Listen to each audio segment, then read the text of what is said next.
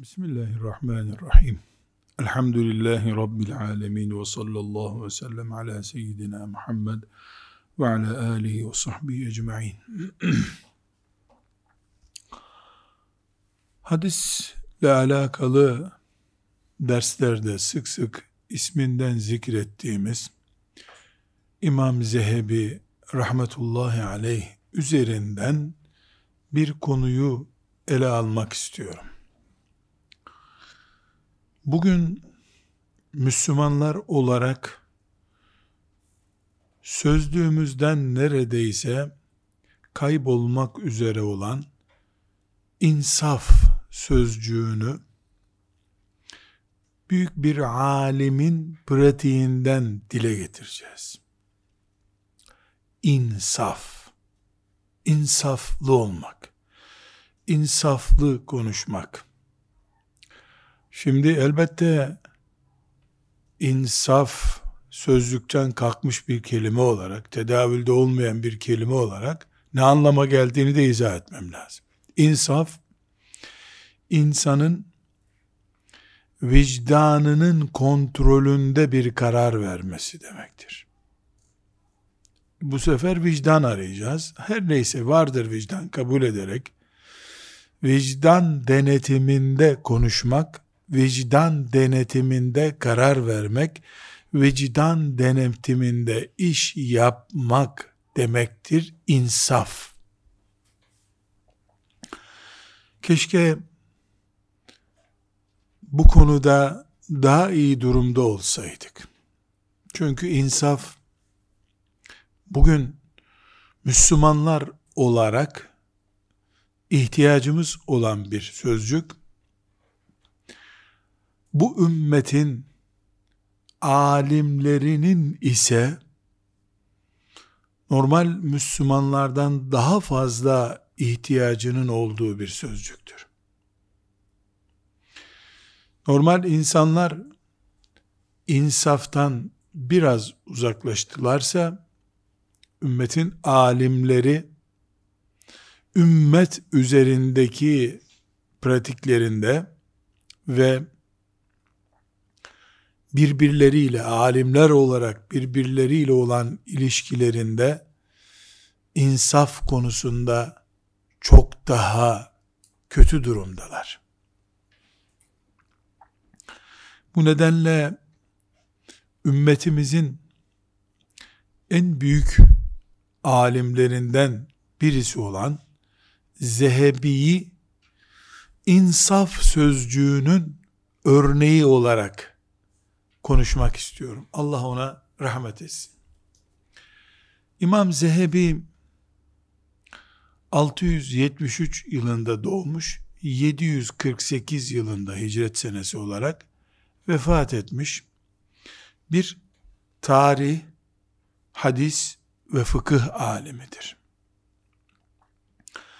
Zehebi kuyumcu demek soyad olarak. Babası kuyumcu. Yani altın işlemecisi bir insan olduğu için kuyumcunun çocuğu anlamında anılıyor. Ama ben rahmet görmesine, bize de şefaat etmesine vesile olur umuduyla bu ismin ona çok yakıştığını söylüyorum. Soyad olarak yakışıyor, bir alim olarak da gerçekten yakışıyor. İbn Teymiye'nin talebesi. Ondan çok ders okumuş. Meşhur müfessir İbn Kesir'in de hocasıdır. Bir Şafii talebesi olarak yetişmiş. Ama Hanbeli akidesiyle yaşamış. Eğer akidenin şu bu ayrımı söz konusu olursa, yapılacak olursa, küçük yaşlarında ilim yoluna girmiş, ders okumuş, ders okutmuş, 300 civarında eseri olan birisi. 300 sayfa filan değil. İslam tarihi ile alakalı yazdığı kitap 50 cilttir. Ümmeti Muhammed'in alimleriyle ilgili yazdığı kitap ise 30 cilt civarındadır ve eşi benzeri bulunmaz bir kitaptır. Hadis kitapları var, fıkıh kitapları var. Tam bir alim. Şöyle söyleyebilirim.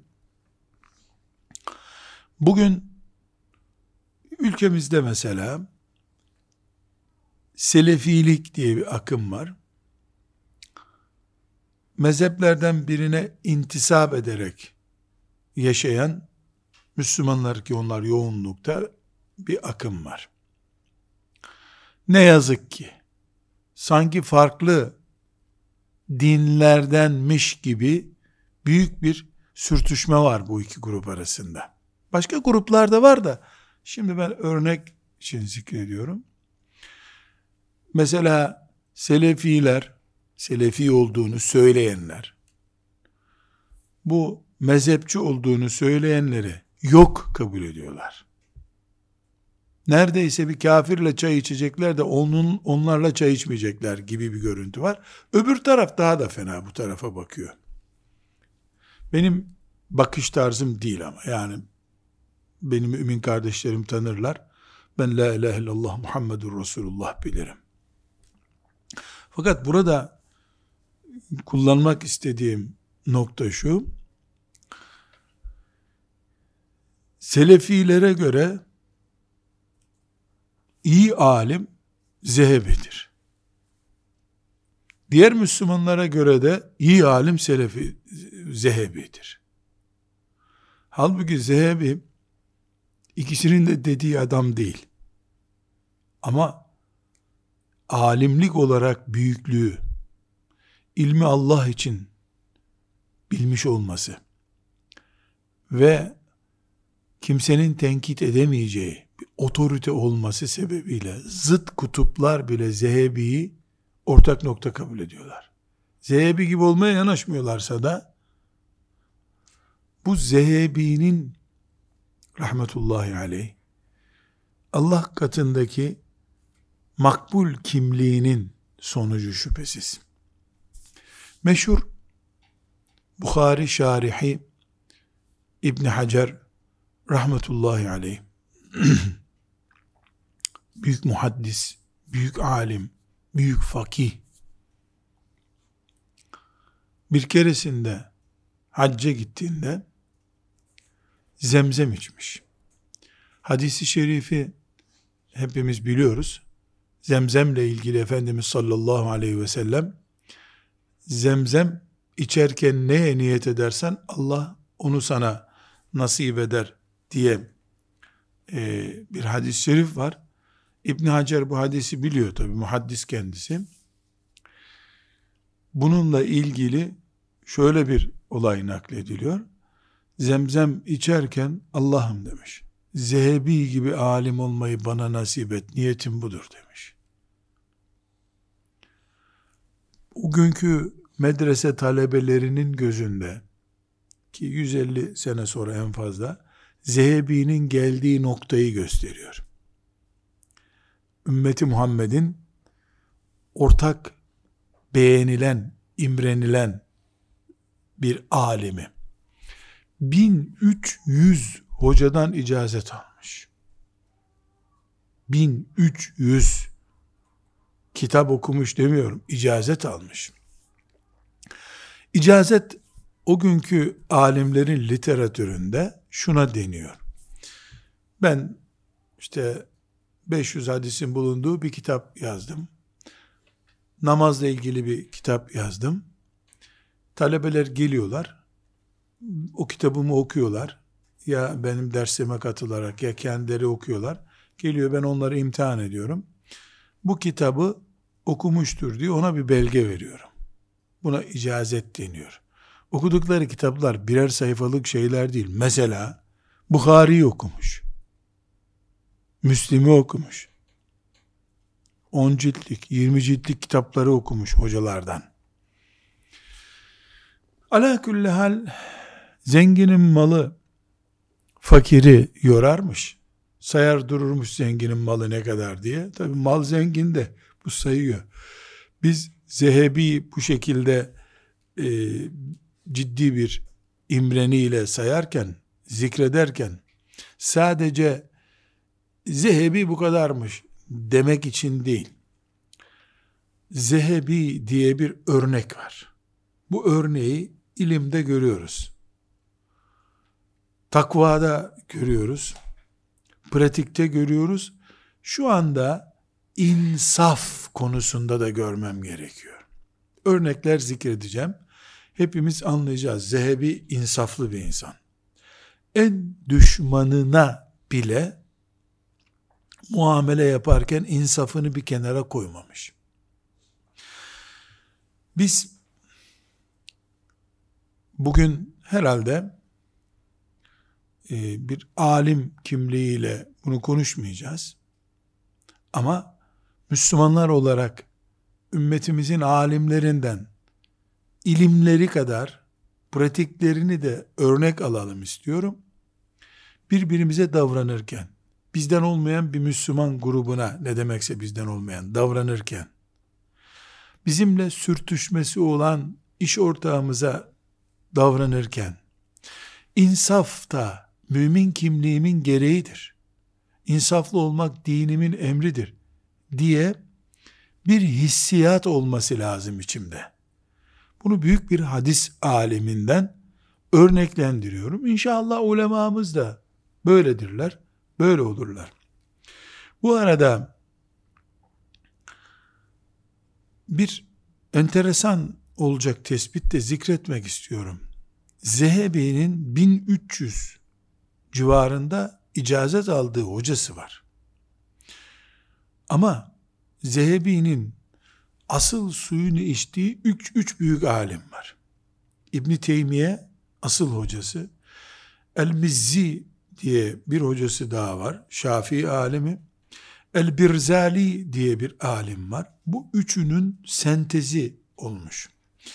Bunların üçü de farklı karakterlerden, farklı mezheplerden insanlar. Ama bunlardaki ilmi almış. Feyzi, bereketi almış. Kendisi Müslüman bir kimlik çıkarmış ortaya. Mesela İbni Teymiye'nin sert karakterini almamış. ilmini almış. İbni Teymiye'nin siyasete bakışını almamış. Ayet ve hadisleri anlayışını almış. Talebeler için çok hoş bir örnek bu. Allah ona rahmet etsin. Mesela çok önemli bir nokta, Zehebi'nin yaşadığı asır, ümmeti Muhammed'in mezhepçiliği bugünkünden daha fazla din haline getirdiği ve yeni bir şey söylemenin neredeyse dinden çıkmak sayılacağı kadar donukluk olan bir dönemdir. Bundan etkilenmemiş. Açılmış. Görüşleriyle, kitaplarıyla farklı bir şey ortaya koymaya çekinmemiş. Allah ona rahmet etsin. Bu talebe için çok önemli. Başka mezhebe hakaret etmek, başka mezhepteki Müslümanı yok saymak ilim sayılan bir dönemde insaf ve adaletini bırakmamış. Çok canlı bir örnek. Mesela o dönemde Zehebi'nin yaşadığı 7. asra ait sözleri söylüyorum. İki asır önce vefat etmiş olan Gazali hedef tahtasında onun makamına ulaşamayanların mındar dedikleri bir tip. Hani kedi ulaşamadığı ete mındar zaten yemeyecektim dermiş ya. Gazali o asırda tenkit üstüne tenkit, yanlışları var, kabahatleri var. Mesela hocası İbn Teymiye Gazali'yi tenkit ediyor. Ama bakıyoruz Siyer-i Alam'ın nübelasında alimlerin ve ümmetin meşhurlarının hayatını anlattığı kitapta Gazali ile ilgili çok enteresan sözler söylüyor. Diyor ki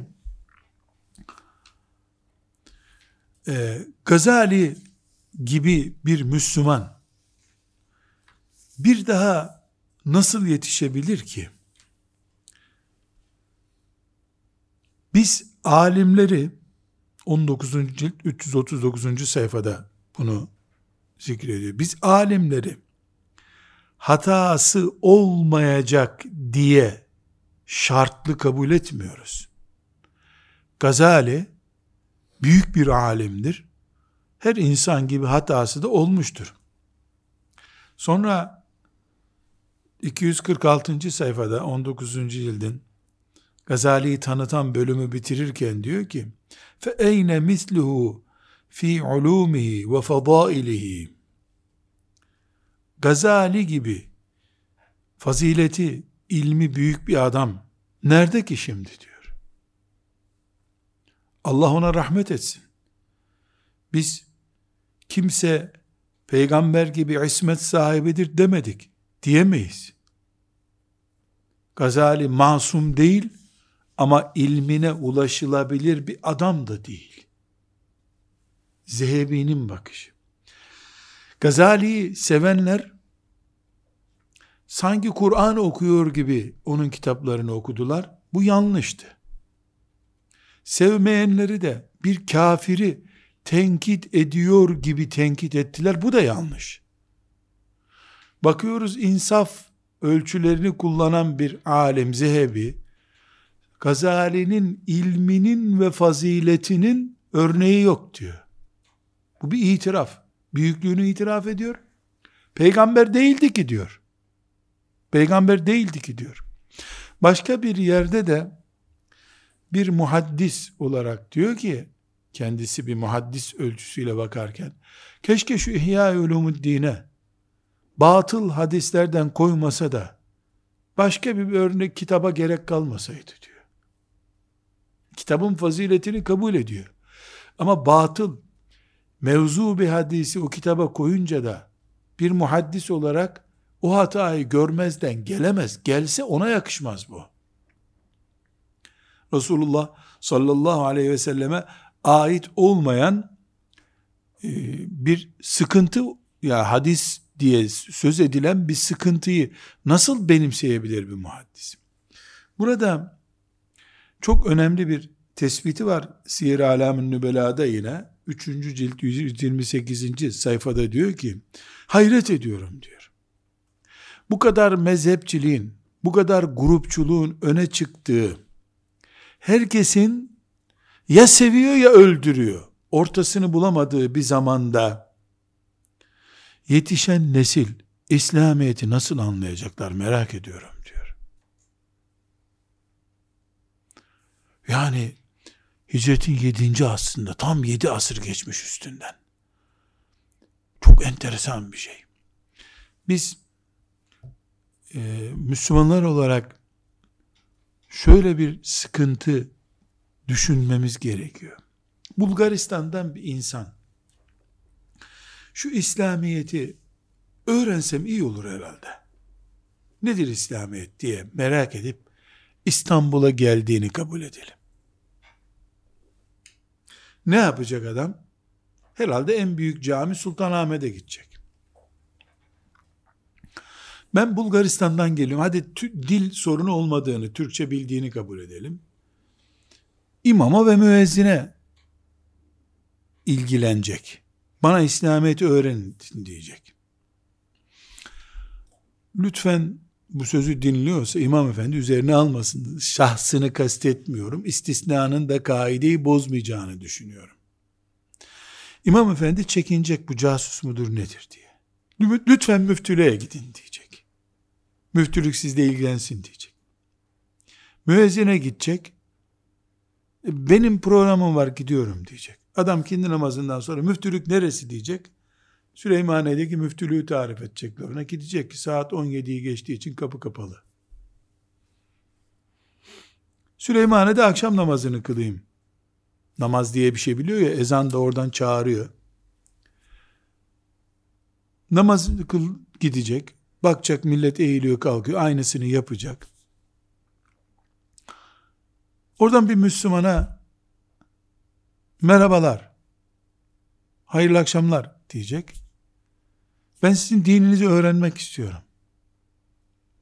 Bana öğretir misiniz? diyecek. Eğer o adam eve geç kaldım zaten yetişecektim hanım bekliyor demediyse ki cevap bu ihtimal bu olacak. Onu alacak vakfına götürecek. Ona eğitim verdirecek. İslamiyet öğretecek. Bir hafta sonra eğitim aldıktan sonra o yine camilere namaza başlayacak mecburen. Eğer namazı önemseyen bir vakıfsa o gittiği vakıf. Edebiyat vakfıysa, yani namazın edebiyatını yapan bir vakıfsa, dil edebiyatını kastetmiyorum. Tabi lafını duyacak ama diyelim ki namaz önemli. Bir gün bir camiye gidecek. Oradaki bir Müslüman e, bakacak ki bu tadil erkanı tam yapamıyor. Efendi yani gene tabi Allah için ilgilenecek bir Müslümana rastladı diye düşünüyorum. Efendi bu tadil erkanı sen yapamıyorsun ben sana öğreteyim. Nerede öğrendin sen? Hangi hocada yetiştin? Ya ben Bulgaristan'dan geldim dininizi merak ettim. Filan yere gittim orada bana öğret. Oraya niye gittin sen? Onlar aşırı bir grup. Deyip gittiği yerin yanlış olduğu söylenecek. Yanlış mı yaptım? Tabii polis bile seni götürebilir her an. Diyecek. Gel bize götüreyim diyecek. O oraya gidecek. Orada iki üç gün eğitim alacak. Sonra bakacaklar ki cebi paralı bir tip değil yeter sana bu kadar diyecekler. Başka bir hatasından başka bir Müslüman ona oraya niye gittin diyecek. Ama hiç kimse ona orada vakit bulup sana hatırlatamamışlar. Namazda rükûyu biz böyle yaparız. Sen bundan sonra böyle yap diye bir ilave vermeyecek. Onun yanlış olduğunu, bunun doğru olduğunu söyleyecek. On ayrı gruba da girse hiçbir grup ona ne güzel yapmış kardeşlerimiz. Allah onlardan razı olsun.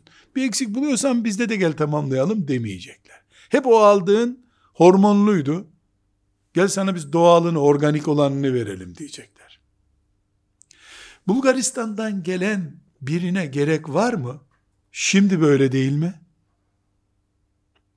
İstanbul'a üniversiteye giden bir öğrenciye geri geldiğinde nerede kalıyorsun? Sen filancalarda kalıyorum. Uzak dur onlardan. Ne işin var o grupta? Onlar başın belaya girer senin. Memur olamazsın, evlenemezsin, yandın gittin. Allah cehenneme düştüm dünyadayken zannediyor adam. Öbürüne git devletin kayakasında kal. Gerisi hep bela. E orada ahlak sorunu var. E olsun ahlakını sonra düzeltirsin. Le filmi bitecek adamın. Bizdeki birinin bile. Dışarıdan gelen birini Allah için bir hayal edelim. Şurada 10 gün durursa tam Müslümanlığı öğrenir. Bulgaristan'a da gider. Orada da hem dinini anlatır. Ne güzel diyeceğimiz bir yer bulmaya çalışalım. Böyle bir şans var mı? İslamiyet'in insafı, dindarlığımızın gereği vicdanla kontrollü bir iş yapma süreci nerede kaldı? Allah Zehebe'ye rahmet etsin bu ölçüyü müthiş oturtmuş. Zıt örnekler zikredeceğim. Özellikle aradım. Yani bu isimlere ne diyor diye merak ettim. Daha önceki derslerden birinde zikretmiştim. İbni Hazm diye birisi var. İbni Hazm zahiri mezhebinin ikinci büyük imamı. Ne demek zahiri mezhebi? Hanefilik, Şafiilik, Malikilik, Hanbelilik sil gitsin bunları. Bunlar kökten yanlış diyen anlayış. O mezheplerinde kendilerini yok kabul edenlere bravo çok iyi söyledin diyecek hali yok. Ama İbni Hazm sataşıyor, hakaret ediyor. Hadisi şerife saygı göstermiyorsunuz diyor. Kıyas yanlıştır diyor. Ne demek kıyas? Hanefi mezhebinin yüzde sekseni demek. Reddediyor. Yok böyle bir şey. Şafii mezhebini kökten reddediyor. Biraz çok az Hanbeli mezhebinin belki yani varlığını kabul edebilir. Onu da zaten temelde reddediyor. Şimdi çok enteresan bir şekilde kendisi de Şafii olan, iyi bir fakih olan, kıyasla binlerce hüküm çıkarmış olan Zehebi İbn Hazm'i değerlendiriyor. Benim Ebu Muhammed İbni Hazm'e karşı bir sempatim var diyor. 18. Siyer Alamin Nübela 18. cilt 184. sayfada. لِمَحَبَّتِهِ fil الْحَد۪يثِ sahih ve ma'rifetihi bi. Çünkü sahih hadisleri iyi biliyor ve çok seviyor hadisi diyor.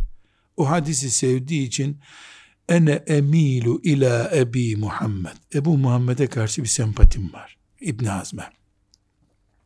Gerçi ben onun söylediği şeylere muvafakat etmiyorum. Aşırı düşünüyorum. Ve gülünç şeyler söylüyor söylerken diyor. Tenkit ederken gülünç oluyor diyor. Usul ve furu yani temel bakış ve ayrıntılar konusunda hatalı olduğunu gözümle görüyorum. Ama asla onun hakkında kafir, sapık demem. Tam aksine ona ve bütün Müslümanlara Allah'tan mağfiret dilerim. Ve onun aşırı büyük zekası üzerine de boynumu büküyor, saygı gösteriyorum. Bu cümle Zehebi'ye ait. Zehebi'den önce yaşamış. Eğer Zehebi çok iyi biliyor ki o İbn Hazm sağ olsaydı Zehebi'nin kitaplarını görseydi Zehebi'ye sapık diyecekti. Çünkü onun gibilere sapık diyor zaten. İmam Şafii siliyor atıyor defterden. Zehebi'nin imamı. Ama Zehebi zekasının önünde hayranın boynumu büküyorum. Ve ahda'u li faratı zekaihi. Zekasının önünde boynumu büküyorum diyor. Hadise olan saygısına hürmet ediyorum diyor. Ama abuk subuk konuştuğu şeylere de itirazım var diyor. Vallahi adalet denen şey bu. İnsaf da bu işte. Ya siyahsın ya beyazsın. Yani ya bizdensin ya değilsin. Zehebi'nin mantığı değil. Senin sarımsı bir rengin var diyor. Cahil, kafir, sapık asla demem diyor. Allah onu da mağfiret etsin, beni de mağfiret etsin. Hariciler, yani Ali radıyallahu anh'ı öldüren, şehit edenler, binlerce Müslümanı, içinde ashab-ı kiram bulunan Müslümanı öldüren adamlarla ilgili, bakın ne diyor. El havaricu kilabun nar. Kad meraku mined din. Hariciler, cehennem zebanileri, cehennem köpekleridir bunlar Dinden çıkacak işler yaptılar. Ama buna rağmen فَلَا نَقْطَعُ لَهُمْ بِخُلُودِ النَّارِ كَمَا نَقْطَعُ لِعَبَدَةِ الْأَصْنَامِ وَالصَّلِيبِيَّةِ Haçlılar ve putperestler cehennemde ebedi kalacak dediğimiz gibi hariciler cehennemde ebedi kalacak demem diyor. Cehennem köpekleri, cehennemin zebanileri diyor. Yani ya, çünkü Ali'yi öldürmüşsün sen. Sahabi öldürmüşsün. Ama elimde belge yok. Ben nasıl onun için nasıl onun için oturup da e, cehennemde ebedi kalacak derim diyor. Adalet ve insaflı alim. Çok enteresan bir örnek daha var Siyer Alamin Nübelan 14. cilt 343. sayfasında. Hallacı Mansur'u konuşuyor. Hallac 309 yılında öldürülmüş abuk subuk düşünceleri olduğundan dolayı mahkeme kararıyla öldürülmüş. O günkü ümmetin fukahasının ittifakıyla öldürülmüş. İdam edilmiş birisidir.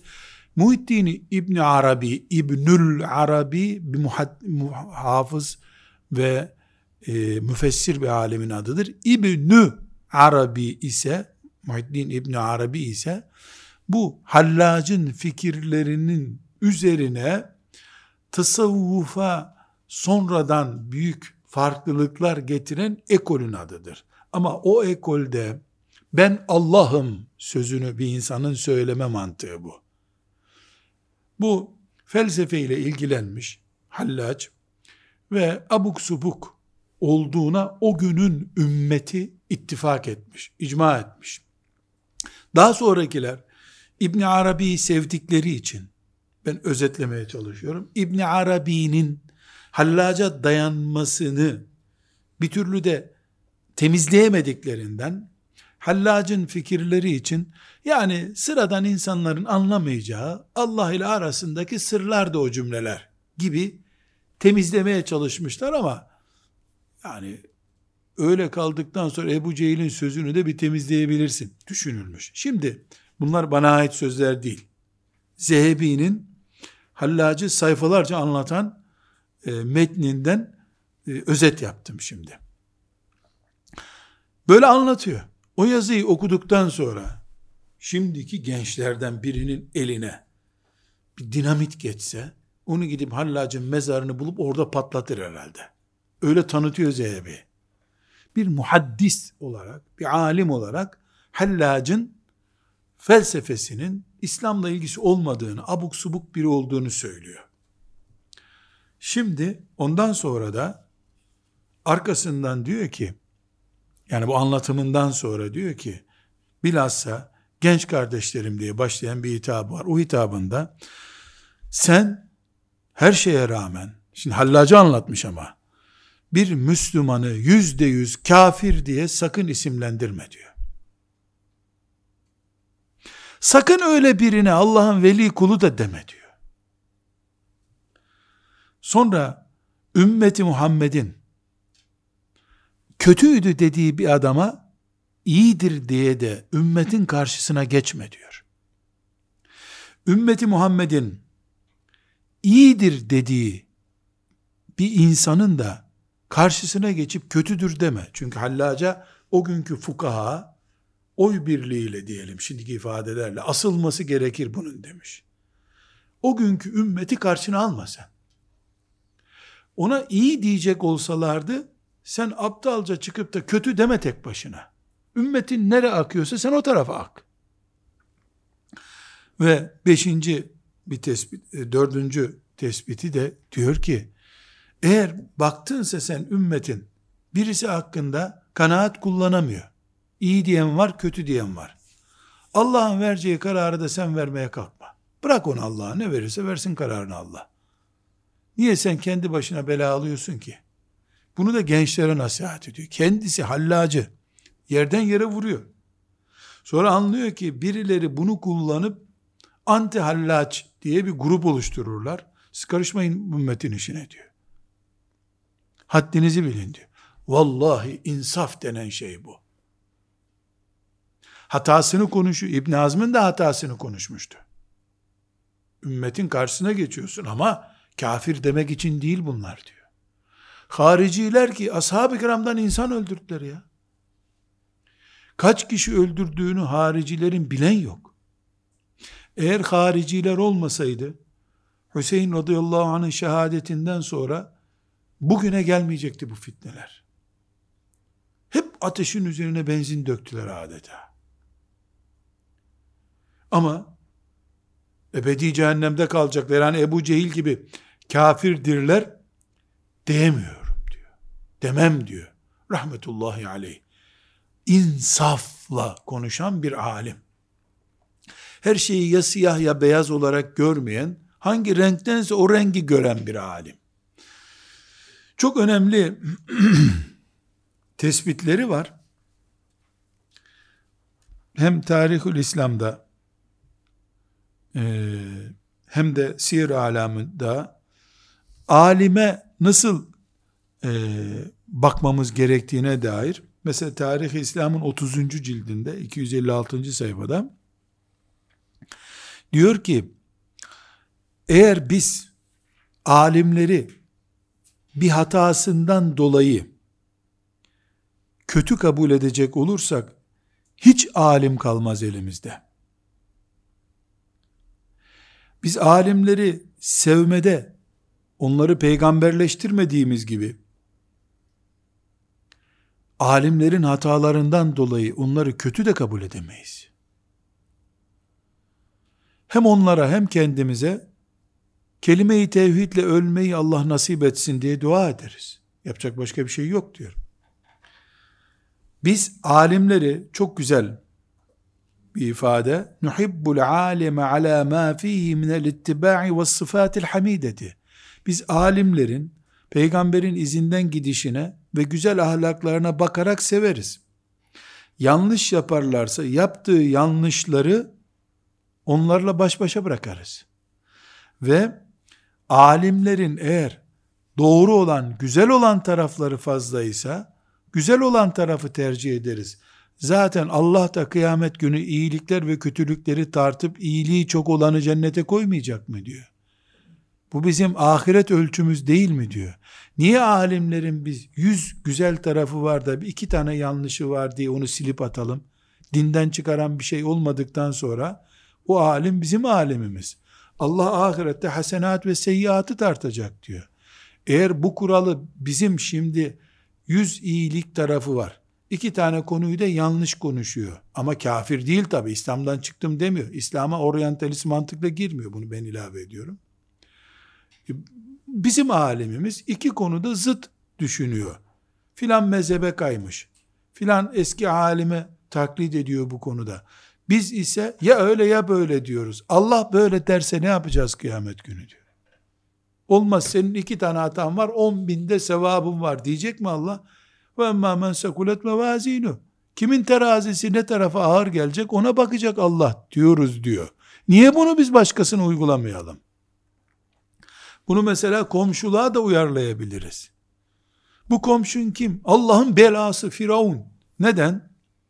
Geçen hafta ben hastayken çocukları gürültü yaptı evde. Böyle bir ölçü olur mu ya?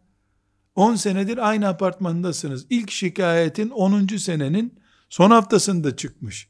E, her şeyi kötü demeye gerek yok. Filan konu hariç güzel komşu. Niye adaletle söyleyemeyelim? Niye insafımızı kaybedelim? Ama diyorum ya, ulemanın birbirine insafının kaybolduğu bir zamanda bizim gibi avam takımı geçen gün arabasının kornasına basmıştı. Bu vatandaş hain, bu vatan haini diyoruz işte. Söyle kötülüklerini dediğinde on madde sayamıyorsun. İyi bir zamanda güzelliklerini say deyince yüz madde sayıyorsun. Ama kazara bir diken batınca birimizin ayağına kafamız kopmuş kabul ediyoruz. İnsafsızlık bu işte. İnsafsızlık bu. Yine alimlerden 6. cilt Siyer Alam'da 36. sayfada diyor ki Erini imamen minel kibari selime minel hata'i vel vehmi. Şu büyük dediğin alim müştehitlerden birisini göster bana. Hiç hatası yok, hiç yanılgısı yok. Böyle birini göster diyor. Resulullah sallallahu aleyhi ve sellem imam filan değil tabi o baş, o ağrı, o masum. Ali radıyallahu anh gibi bir müctehide, müçtehit, Efendimiz sallallahu aleyhi ve sellem, ben ilmin şehriyim, Ali de o şehrin kapısıdır diyor. Ali radıyallahu anh için. Ashab-ı kiram Ali'nin gözüne baka baka, sen şu ayeti yanlış okuyorsun demişler. Ali radıyallahu anh'ın tenkit edildiği hatalar var. Tefsiri yanlış anlamış, yanlış yönlendirmiş. Onlar şimdi, ben yapsam o hataları, alimallah hocalar birleşip bu vatandan kovulmamla ilgili hüküm verirler. Ama Ali'nin hiçbir şekilde radıyallahu anh naks edilmesine yani yetersiz denmesine sebep olmamış. Hiçbir şey yokmuş gibi bir çocuğa söyler gibi bunu yanlış biliyorsun demişler. Allah sizden razı olsun demiş. Ben öyle olduğunu bilmiyordum demiş. Ali'nin o yanlışı faziletine fazilet ilave etmiş. Ama Ali'yi yanlış anlayan hainler diye bir grup kursaydı o öyle olmayacaktı. Yanlışı bile fazilet kazanmasına, değerinin artmasına sebep olmuş çünkü doğru söylüyorsunuz demiş. Ben bunu böyle bilmiyordum demiş. Çok mühim bir konu bu. Çok mühim bir konu. Birilerinin cennetine vesile olmuş, bizim cehennememize vesile oluyor. Mesela e, getirdiği önemli kurallardan biri, aynı medresenin talebelerinin birbirleri hakkındaki tenkitleri kabul etme istiyor. Neden? Çünkü ikiniz de mesela İmam-ı Azam rahmetullahi aleyhin talebesi Ebu Yusuf ve Muhammed ve Hasan ve Züfer bunlar müştehit adamlar. Adam ama. Adam kelimesini böyle erkek kadın manasında kullanmıyorum. Adam, müştehit adamlar bunlar. Kur'an'daki ricalun kelimesi gibi. Bu zatlar birbirlerini tenkit edecek olurlarsa beni bunlara önem vermem diyor. Çünkü onlar birbirlerinin ekranı yaşıtılar.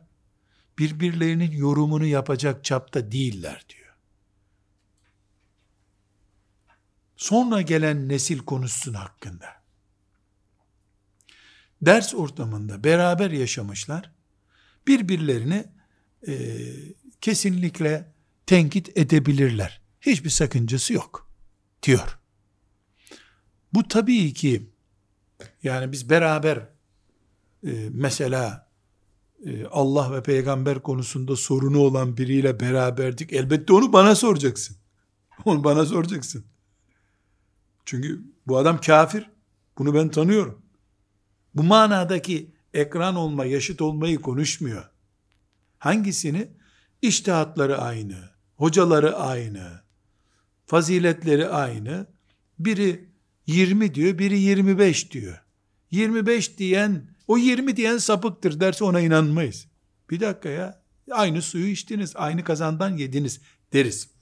Burada e, hızlı bir şekilde Siyer-i Alam'dan tuttuğum notlardan e, Zehebi'nin insan tenkidinde nelere dikkat ettiğine dair notlarım var. Bunları hızlı bir şekilde saymak istiyorum. Bir, insafı dinden görüyor Zehebi. Bütün talebe kardeşlerime e, Zehebi'nin insan değerlendirme ölçüleri diye bir başlık açıp not tutmalarını tavsiye ediyorum. Biiznillahü Teala Allah'ın lütfu keremiyle bu Zehebi'nin dediklerini uygulayan birisi Zehebi olamayabilir ama Zehebi'nin dirildiği noktada dirilir inşallah Teala. Böyle olalım derim. Bir, insafı dinden görüyor. İnsafsızı da dininde sakıncalı görüyor. Ne demek insaf? Vicdanla hareket etme. Yani doğruyu söylemekte sakınca görmüyorsun. Adamın doğru tarafını ezmiyorsun. Hakkı kabul ediyorsun ama desteklemiyorum diyorsun. Ayrı bir mesele. İki, kan konusunda hassasiyetin olacak. Ne kan akıtılmasına izin vereceksin, ne de sözünün kan getirmesine sebep olacaksın. Üç, ya da rakam isteyen versin. Harici aklına karşı ağır tepkisi var. Nedir harici aklı? genç kafayla olayları değerlendirmeden ayetleri, hadisleri alıp vurup dağıtmak. Bu şu anda da var. Buna radikalizm diyorlar. Yani haricilerin ana mantığı kendilerinden daha yaşlı, daha tecrübeli, daha alimlerin görüşünü yok kabul etmeleri. Bir haricinin çıkışını, Ali radıyallahu anh'ı öldürme çıkışını, Kur'an ve hadis ve ümmetin büyüklerini yok kabul ederek alsan doğru yapıyor adamlar. Ümmetin kanını akıttınız. Siz ölümü hak ettiniz demiş. Yani mahkeme kararıyla vermiş gibi doğru görünüyor. Ama hayat tecrübesini, Kur'an'ın derin düşün dünyasını, hadislerin derin dünyasını aldığında sapık adam. Ne biçim düşünüyorsun oluyor. Yüzeysel baktığında dur buna harici kafası deniyor. Radikal çıkış deniyor. Ee, Zehebi'nin e, dünyasında bunların yeri yok. Buna karşı çıkıyor. Dördüncü tespit, tekfiri kabul etmiyor. Tekfir, yani bu kafirdir sözünü, işte mesela örnekler verdik, e, hallac için bile kullanmayı karşı çıkıyor. Bunu mahkeme karar versin, ümmet böyle bir karar versin diyor onlarca belki yüzlerce örnek aklımda şu anda. Yani adamı sayıyor sayıyor yaptıklarını siyer alamda. Kafir oğlu kafir oğlu kafir diyecek zannediyorsun. Sonunda diyor ki bu yaptığı ancak kafirlerin yapacağı bir şeydi diyor. Ama kafiri ağzına almıyor. Almamaya çalışıyor. Allah versin o kararı diyor. Fakat sana gerçeği de söylüyor. E illa kafir mi diyeceksin? Say saydığı, yaptığı yanlışları zaten ne hüküm çıkıyorsa çıksın oradan.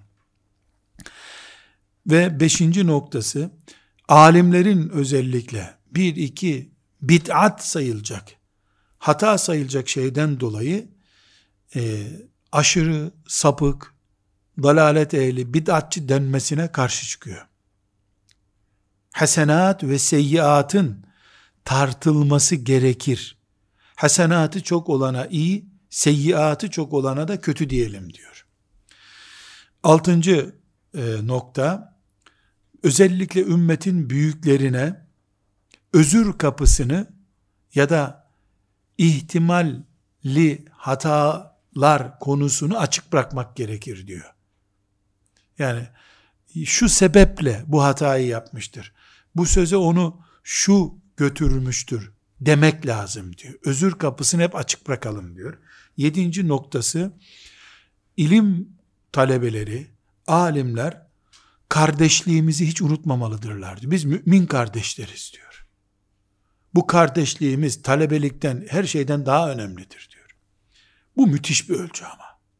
Tabi kardeş, La ilahe illallah Muhammedur Resulullah kardeşleri. İnnemel müminune ihvetün kardeşleri. Tarikat, mezhep, ekol, medrese kardeşleri değil. O kardeşlik değil, o arkadaşlık. Sekizinci noktamız, yaşıtların birbirleri hakkındaki tenkitlerini ölçü kabul edemeyiz. Onları yok kabul ederiz diyor. 2, 4, 6, 8. Dokuzuncu noktamız, tarihin sayfalarında gömülü kalan şeyleri bugünün gündemi yapamayız diyor.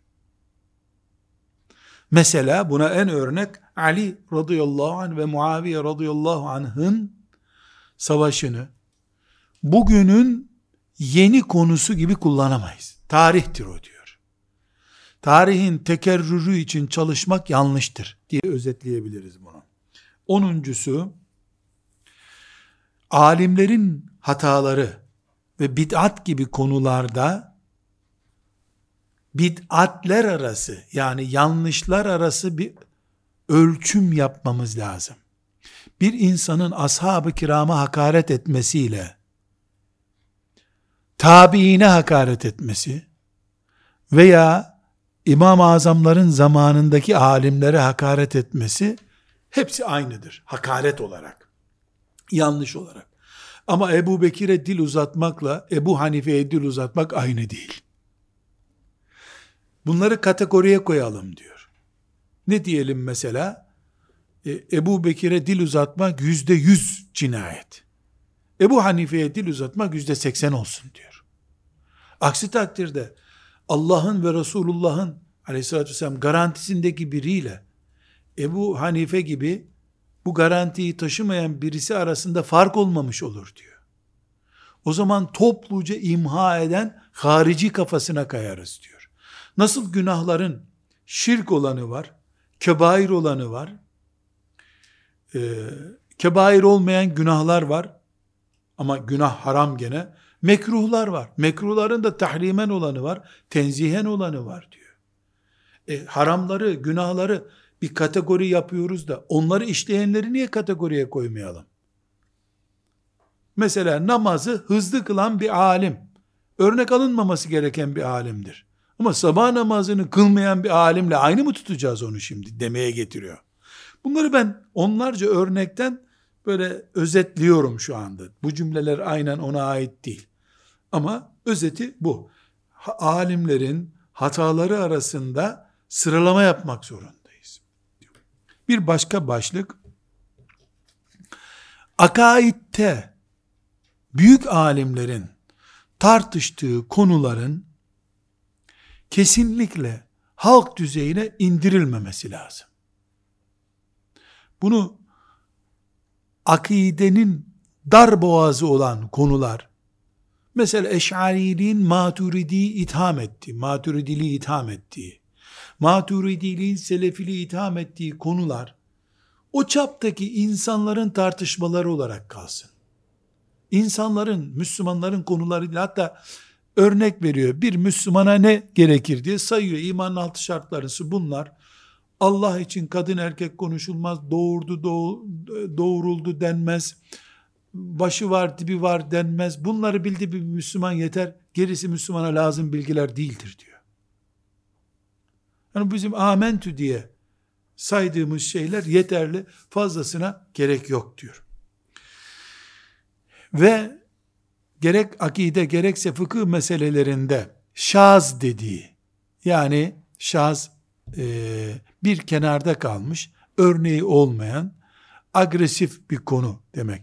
Bu konularla ilgilenmeyi Müslüman için bile bile risk almak olarak görmeliyiz diyor. Hayatta lazım değil. Ben buna çok güzel bir örnek vermek istiyorum. Şu anda sen fıkıh talebesi değilsin. Fıkıh öğrenmiyorsun. Ama cariyelerle nikah yapınca hükmü nedir diye soruyorsun. Kim cariye? Cariye var mı dünyada? Sana lazım mı böyle bir konu? Değil. Kölenin maaşı asgari ücretten mi olacak? Sana ne? Köle misin sen? Gereksiz, şaz bir konuyla uğraşıyorsun. Bile bile vakit israf ediyorsun. Zehebi bunlarla uğraşmayı sakıncalı buluyor. Ve bir noktası daha var. Alimler dahil hiç kimse ibadette aşırı gitmemelidir diyor. Ve buna dair de çok güzel örnekler veriyor. İbadette aşırılık ne? Namazı kılıyorsun, 10 sayfa zamm-ı süre okuyorsun her rekatta. İnsan bunu hayatta bir defa teheccüde yapar. Öğlenin farzında yapılmaz. Akşam namazından sonra evvabin namazı kılıyorsun. Bu sünnettir.